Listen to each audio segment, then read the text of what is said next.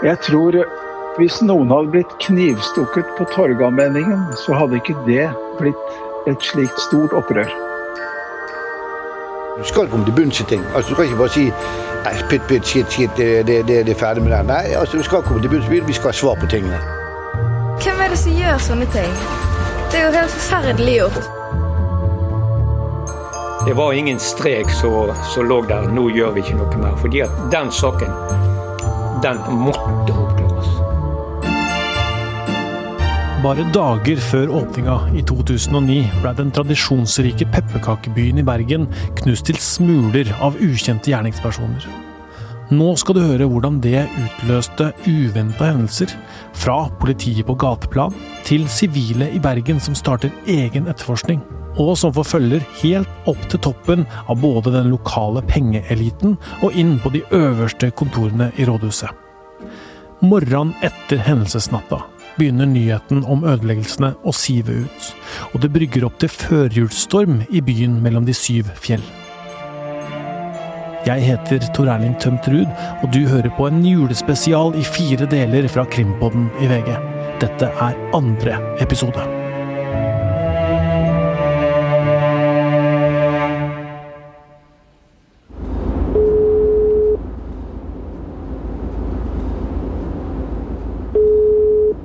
Ja, hallo, Kasper. Jeg har fått kontakt med ham nå, så nå er jeg på vei ut for å snakke med Lysam. Har jeg tilbake? Jepp, jeg er på vei ut fra Bergen sentrum nå, så jeg skal hjem til han. Jeg skal ut til Os skjønner for å snakke med en gammel eh, politimann. Ja, ok. Ja. Som eh, var med å etterforske eh, det som skjedde med pepperkakebyen i 2009. Ja, ok. Jeg jobber i VG, Ja. Jeg fikk med meg det som skjedde da. ikke sant? Ja. Jeg tror du må ta stilt Hallo? Er det politi? Oi, oi, oi, oi, oi, ja. Jeg kokte en kopp kaffe, jeg, og Ja, ja, jeg kom litt forsinka, vet du, men uh... Ja da, men det spiller jeg er pensjonist, så det at uh... Og her er det en liten sjokoladebete oi, vil ha til kaffen. og-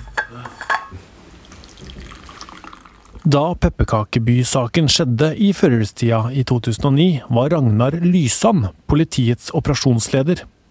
I dag er Ragnar pensjonist og bor i landlige omgivelser på Os, nabokommunen til Bergen. Når vi går opp igjen denne saken, elleve år seinere, så tror jeg ikke det er mulig å komme videre uten å snakke med ham. Dette her i, i, Det var vel den 22.11. Mm. Så eh, var det jo en vanlig Jeg skulle ha en søndags formiddag. Og da begynner vi, hadde vi avløsning sånn eh, halv sju, kvart til sju. Eh, så går nattevakta hjem, og, og jeg hadde jo forberedt meg på en, en rolig søndag formiddag, som det normalt sett er. Og, eh, men det var vel i halv ni-tida. Da dukka opp et oppdrag på, på skjermen foran meg, i PO som vi kaller der jeg ser det at det står skadeverk på pepperkake på teltet der, eh, der de hadde laga alle disse pepperkakene. Og da skjønte jeg med en gang at nå blir det trykk. Eh, Ja, dette eksploderer. hva er det som sto på skjermen? Nei, det sto da skadeverk på eh, pepperkakebyen i, i og, og, og jeg visste det at det er jo allmannseie, eh, det som var inne i det teltet der. Hvert minutt teller. Én eller flere gjerningspersoner er på frifot. Det gjelder å handle raskt. Så sendte jeg, eh, sendte jeg meg en gang ut Sierra 05, heter det den gangen. Det heter vel innsatsleder i dag. Pluss en patrulje til. Sånn at vi, vi eh, måtte komme oss bort og se omfanget av skadeverket.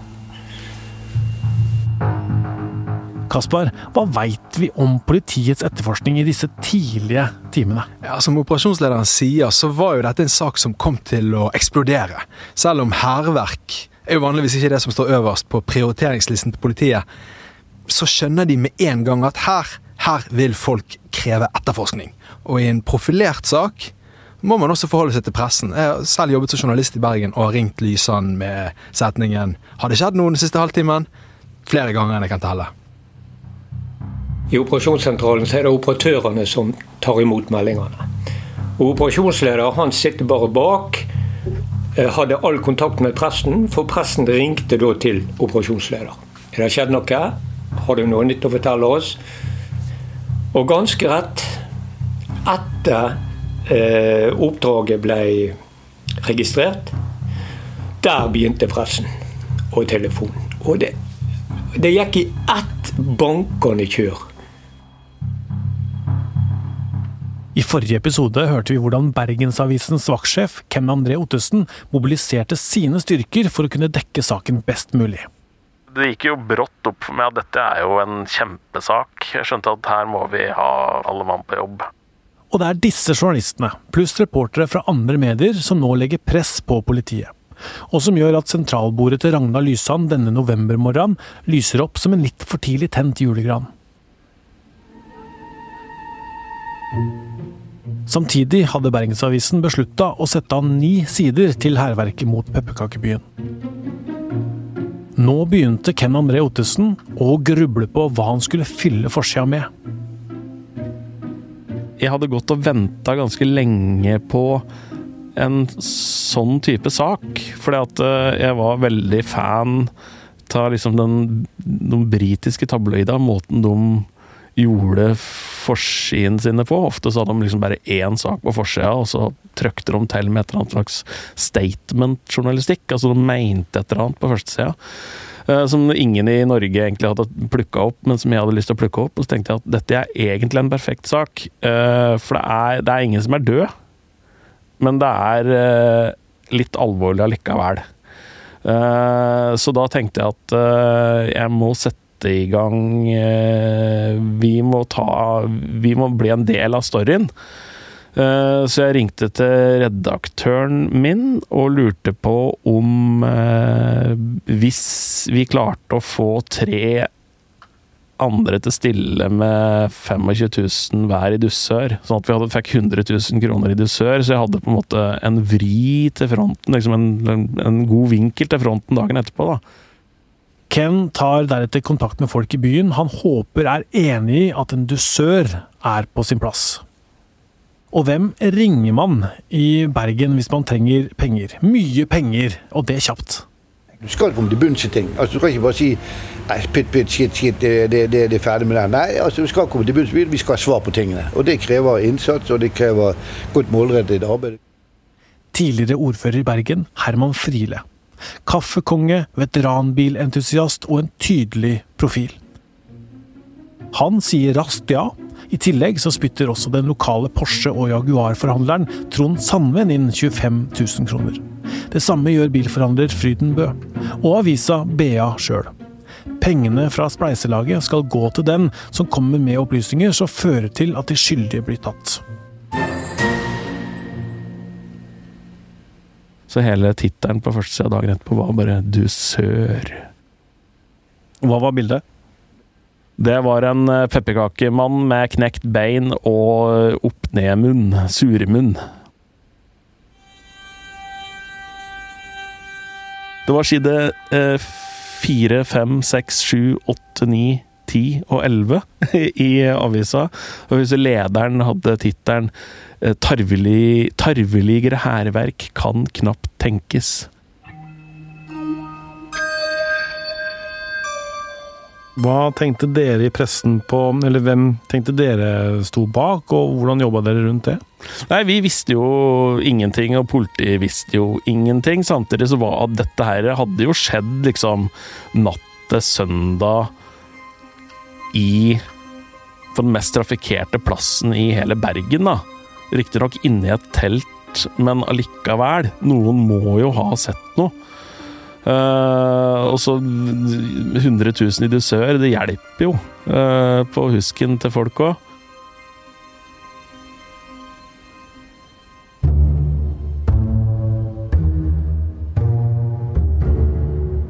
Kaspar, hva tenker du på når du hører dusør? Både jeg og sikkert mange av lytterne forbinder dusør mest med Det ville vesten og sånne Wanted Dead or Alive-plakater som vi har sett på film.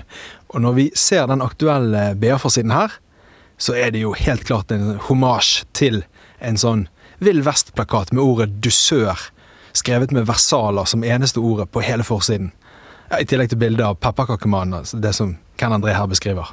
Ja, men dusør er ikke helt uvanlig heller i moderne norsk krimsammenheng. For at uh, vi ser det først og fremst i draps- og forsvinningssaker, at dette virkemidlet blir brukt. For eksempel så har jo Tom Hagen utlova en dusør i Lørenskog-saken. Uh, og i forbindelse med Ørjedrapet Det var jeg nettopp i Krimpodden. Ja, Der har bensinstasjonskjeden Hydro Texaco utlova en dusør på 100 000 kroner for den som kommer med tips da, som kan oppklare saken. Og så utløva faktisk Oslo kommune en dusør på hele 5 millioner kroner, og det var etter Munch-tyveriet i 2004. Men det som er uvanlig, og det er jo å se at dusør blir brukt på en sånn type krimsak som det her. da. Og så er det jo veldig uvanlig at det er avisa i Bergen som er en sterk pådriver for å få det i stand. Og det er spesielt. Ja, Det forsterker disse Vill Vest-assosiasjonene mine. Og det ville Vesten er ikke en helt feil beskrivelse av Bergen i disse dagene som fulgte. Jeg var ordfører i Bergen, og eh, i tillegg til å være ordfører i Bergen, var borgermester for Pepperkakebyen. For det er en tittel som følger med ordføreren i Bergen. Den du hører her, er Gunnar Bakke. Han er i tillegg til å være tidligere ordfører i Bergen og borgermester i pepperkakebyen i 2009, også utdanna baker. I dag er han leder for baker- og konditorbransjens landsforening. Og så kom det til at det ble utlova en dusør. Jeg syns det var et eh, positivt bidrag, egentlig. Eh, fordi at vi var jo interessert i å vite hva som står bak. altså Det å leve i usikkerheten på hva som skjedde, eh, hadde vært nesten verre. Det var akkurat dette at det gikk direkte på du kan si, bakekunst da, som barn og, og, og, unger hadde bidratt til. Det, var, det er vel helt forståelig at noen kunne finne på å gjøre noe sånt. Vi er altså nå på et tidspunkt i saken der både politi, presse og nåværende og tidligere borgermestere av både Bergen og pepperkakebyen har engasjert seg. Hadde de ingen spor? Jo, de fant spor. For mens Bergensavisen hadde kronerulling blant eh, rikingene, og politikere og andre engasjerte seg på ulike forskjellige måter, så sendte politiet, som vi hørte operasjonslederen fortelle, ut troppene sine. Og hva fant de? De første timene så var det knyttet stor spenning til om man hadde klart å fange eh, gjerningspersonene på film. Fordi at det er mange overvåkningskameraer i området rundt der eh, teltet med pepperkakebyen sto. Og politiet hentet inn videoopptak fra alle disse kameraene. Det det var mest håp å finne noe fra, det var et webkamera som Bergens Tidende hadde gående 24-7 rettet mot teltet. Men det viste seg dessverre at det var for langt unna og ikke noe tydelige bilder. Likevel så skulle politiet snart legge frem funn som potensielt sett var sterkere. For på åstedet så fant de, ifølge politikilder sitert i pressen eh, dagen etter, fotavtrykk, fingeravtrykk, og så sikret de seg DNA. DNA? Sånn som vi hører byens befolkning reagere en pengesterk eksordfører med en helt sånn spesiell beskytterrolle for pepperkakebyen, med en nåværende ordfører som attpåtil er utdannet baker. Det hadde blitt ramaskrik i Bergen om politiet ikke hadde sikret DNA. Eh, ingenting forundrer meg noe i den saken der. Politiets operasjonsleder Ragnar Lysand. Her fornærmer du eh, Her har du gjort noe med bergenserne sin sjel. Mm. Da spiller det egentlig ingen, ingen rolle hva Da bruker vi Her skal vi bruke alle ressurser på å oppklare denne saken. Altså, det var ingen det var ingen strek som lå der 'nå gjør vi ikke noe mer'. Fordi at den saken, den måtte oppklares. Men det som skjer det som skjer hos oss, det er liksom Vi mottar meldinger helt til å begynne med. Og så går det sånn automatisk ned til kriminalvakten, til krimvakten, som igjen er den etterforskningsenhet som starter der og da. Mm.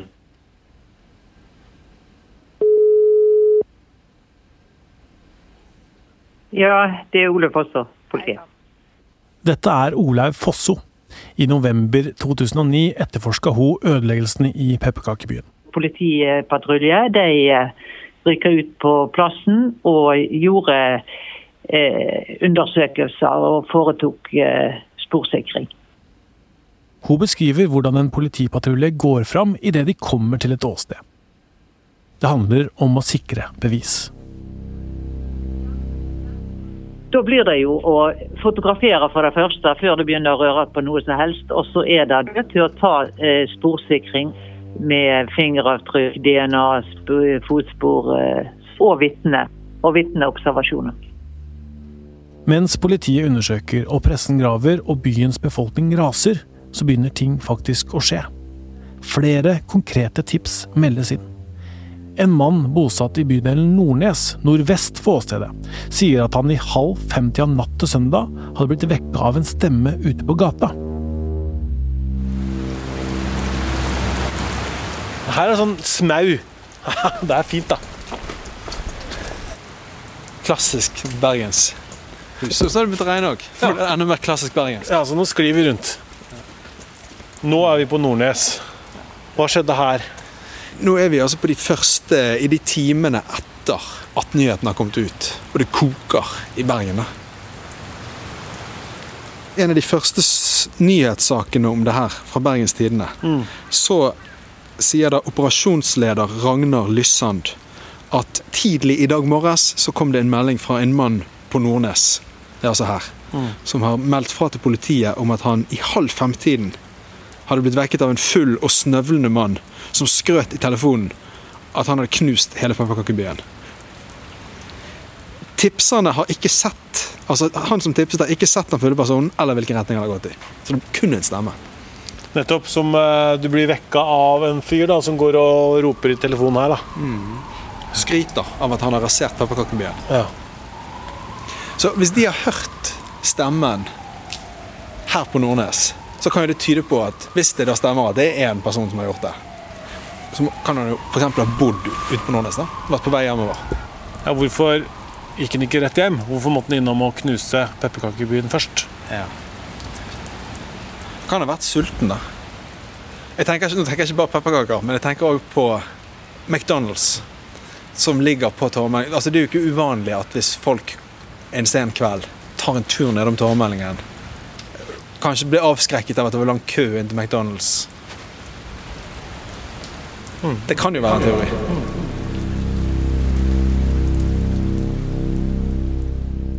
Og så fikk vi jo òg en del tips som, som, eh, der de kom med navngitte personer som eh, ja, der de hadde mistanke. De tenkte kanskje at han hadde gjort det. Så gikk det litt rykter rundt omkring. Gud bedre, det var mye rykter. TV 2-programleder Stian Blipp var på denne tida standup-komiker i Bergen. Han husker godt hvordan jungeltelegrafen i utelivsmiljøet i Bergen kokte på denne tida. Det var masse rykter. Det var noen som kjente en som, som hadde f- fått en fyr hjem liksom med pepperkakesmuler over hele seg. Det var en historie. Eh, det var liksom rykter om eh, at det var en, en kjent person som kanskje kunne ha gjort det. Det, var, det er noen som har tatt bilde av noen med pepper, et, siden av et pepperkakehus gående nedover eh, torget eh, klokken 04.30. Jeg husker det var liksom historier fra at det var folk fra rockemiljøet. Det var alt mulig som gjorde hele greia sånn, selv om det var forferdelig, veldig spennende. For det var, det var mange som hadde teorier.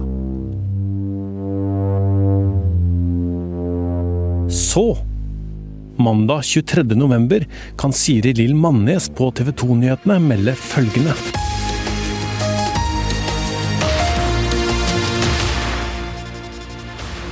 Politiet har pågrepet to personer etter hærverket i pepperkakebyen i Bergen. De to skal være menn på 21 og 26 Snart to døgn etter knusinga blir to lokale menn pågrepet av politiet. De er 21 og 26 år gamle.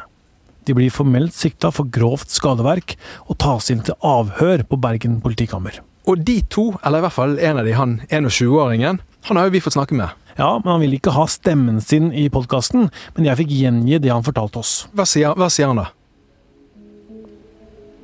Han opplevde det han kaller en ganske styrete pågripelse. Han var på vei hjem fra jobb i fem-seks-tida på mandagen der, og da ble han møtt med en sivil politibil som venta utafor huset hans. Han sier at han med en gang skjønte hva det gjaldt. Og så forteller han om det han beskriver som en razzia i leiligheten. Han sier at ja, de var vel på jakt etter kakesmuler.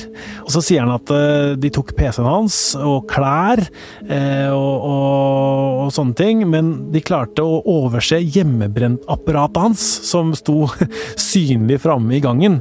Eh, og han sier at det blei jo servert på et sølvfat. Men der hadde jo politiet i hvert fall et slags motiv, eller ikke motiv, men i hvert fall en mulig forklaring, da.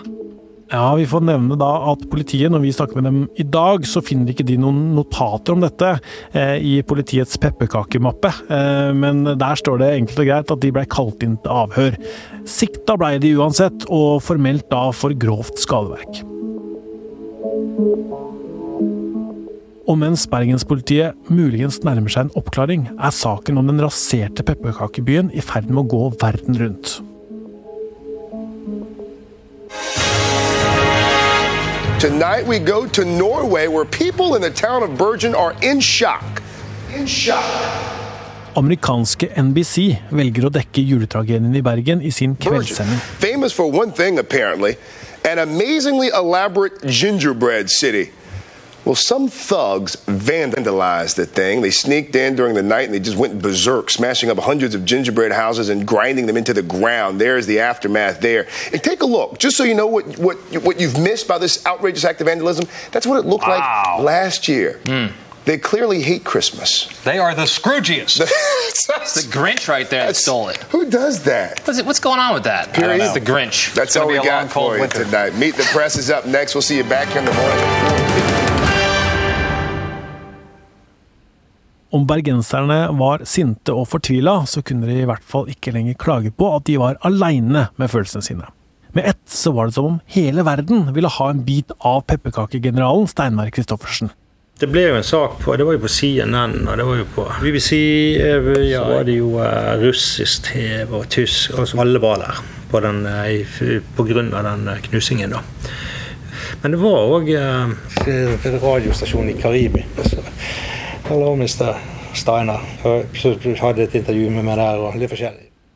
Hvorfor blir internasjonal presse så opptatt av det som skjer her? Ja, nå I 2020 så skjer det jo så mye at man nesten blir sånn salig av nostalgi av å tenke tilbake til en, en fjern fortid der en knust pepperkakeby blir en internasjonal nyhet.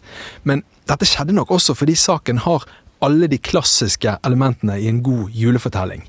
Du har barn som gleder seg til jul, og så kommer noen, Grinchen, og stjeler julegleden fra de.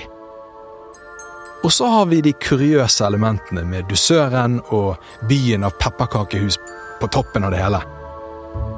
Og så skal vi heller ikke glemme at forbrytelsen er jo mot en verdensrekordholder i selveste Guinness.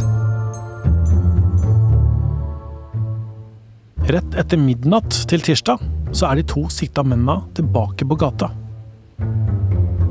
pepperkakemenn hadde alibi, slår Nettavisen fast i en sak som ble publisert samme natt.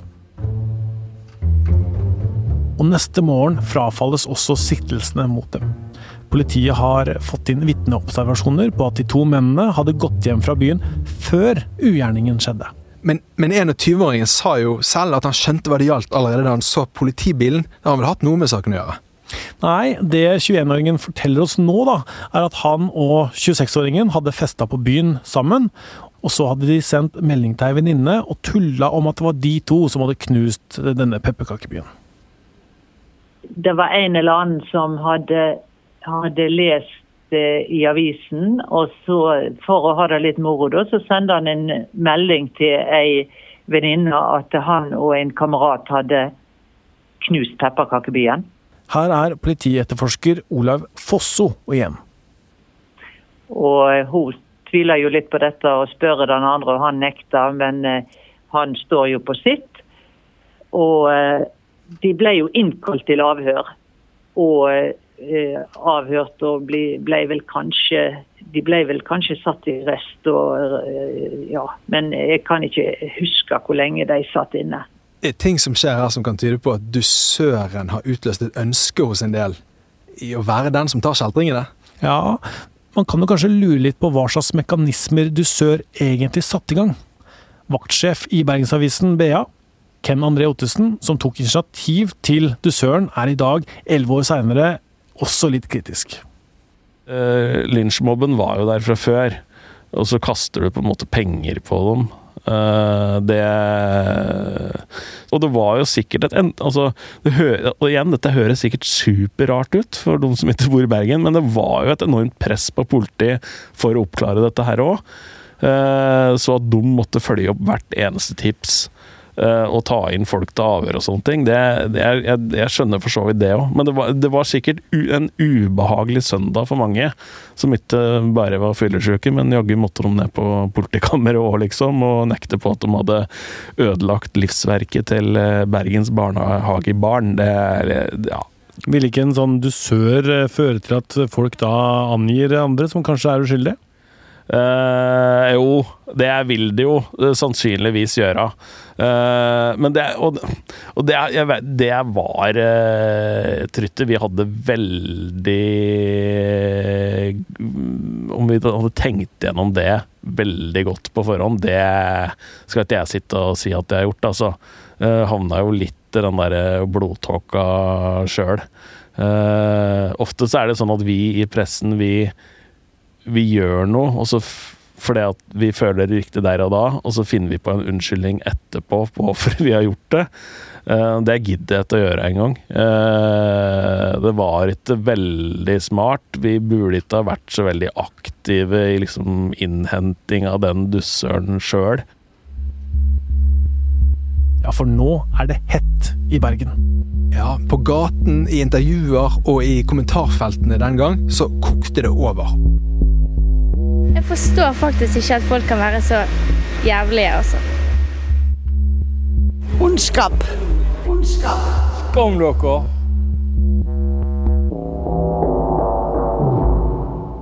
Og folk hadde, de hadde veldig konkrete, spesifikke ideer om hva slags straff som skulle være passende for den eller de som står bak. Og i den ja, kan kalle det blodtåken så lot ikke bergenserne seg begrense av verken Finjussen eller Menneskerettighetskonvensjonen. Herman Friele mente at de burde få ris på blanke messingen. En mor sa de burde tvangsfòres med pepperkaker. Og en 53 år gammel far sa til Bergens Tidende at de skyldige burde sitte på tåremeldingen med politibeskyttelse en hel dag og be personlig om unnskyldning til hvert enkelt barn som hadde fått sitt bakverk ødelagt. Og så var det en som foreslo at gjerningspersonene skulle stilles ut eh, som en del av pepperkakebyen. Altså sitte der til spott og spe. Det var jo litt sånn, kan du si, eh, på en sjarmerende måte lynsjestemning, da.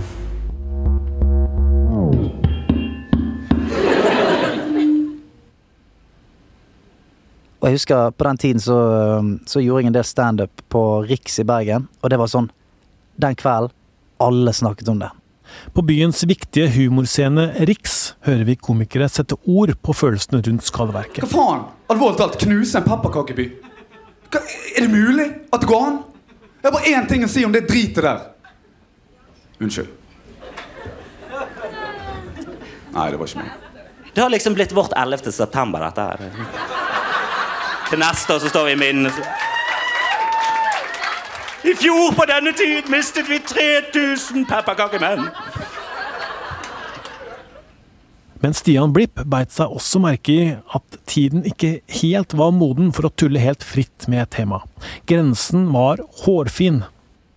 Det er et par ting man sier som er sånn eh, Man kaller det for triggerord. Altså Hvis man sier et ord som er for veldig um, offensive, så kan man merke at oi, der trakk folk seg tilbake igjen. Dette er ikke, dette er ikke greit å le av, uansett hvor morsomt du uh, kommer til å si dette. Og litt sånn var det med Pepperkakebyen òg. At når det var sånn du, fikk dere med dere knusingen av pepperkakebyen? Da var folk krysset armene. Nei, dette er ikke morsomt ennå. Ikke kødd med pepperkakebyen.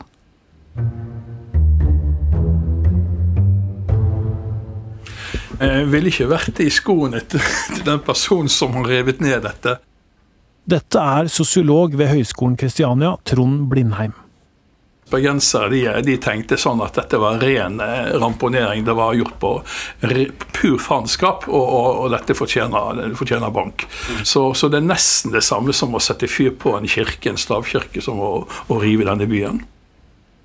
Men det var ikke en stavkirke som ble brent ned. Nei, og kanskje nettopp derfor klarte den neste vi skal høre fra å holde hodet kaldt, selv i disse opphetede novemberdagene. Jeg tror hvis noen hadde blitt knivstukket på Torgallmenningen, så hadde ikke det blitt et slikt stort opprør. Nå var nemlig ting gått så langt at selveste biskopen i Bjørgvin, Halvor Nordhaug, finner det nødvendig å gå ut offentlig og mane til ro og fred. Dette er jo en, eh, en helt destruktiv ting å gjøre, og det finnes ingen formildende omstendigheter. Eh, men vi må ikke hisse oss så mye opp at vi skaper en lynsjestemning når den eller de som har gjort det, blir tatt. Man skal forholde seg til det folk har gjort, og dømme dem for det. Man skal ikke gi karakteristikker på hvordan mennesker er, og det vet vi jo strengt tatt lite om. Så det, sånne karakteristikker, det, det syns jeg ikke noe om. Men på tross av en saftig dusør og at rikingene er på ballen, internasjonal pressedekning og feilaktige pågripelser, så er vi fortsatt uten svar i denne saken. For å komme videre nytter nemlig bare én ting. Som Herman Friele sa det, la oss høre på det. Du skal komme til bunns i ting. Altså, du kan ikke bare si nei, pytt, pytt, shit, det, det, det, det er ferdig med det. Nei, altså, vi skal komme til bunns. Vi skal ha svar på tingene. Og det krever innsats, og det krever godt målrettet arbeid. Det har snart gått 48 timer siden byen ble knust. Og nå kommer det en telefon inn til politihuset som kan snu alt.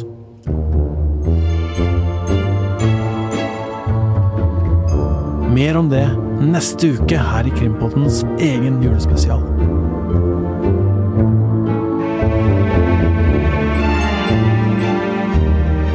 Julespesialen er produsert av VG i samarbeid med Kvitter Studio. Og laga av Kaspar Synnevåg, Henrik Hylland Ulving, Ingvild Ørnholt, Synne Solbakken, Vilde Worren og meg, Tor Erling Tømterud. Musikken er laga av Ronny Furuvik og Epidemic Sound. Magne Antonsen har det tekniske ansvaret. I denne episoden har vi spilt lydklipp fra TV 2-nyhetene, Standup Bergens YouTube-kanal og amerikanske NBC News.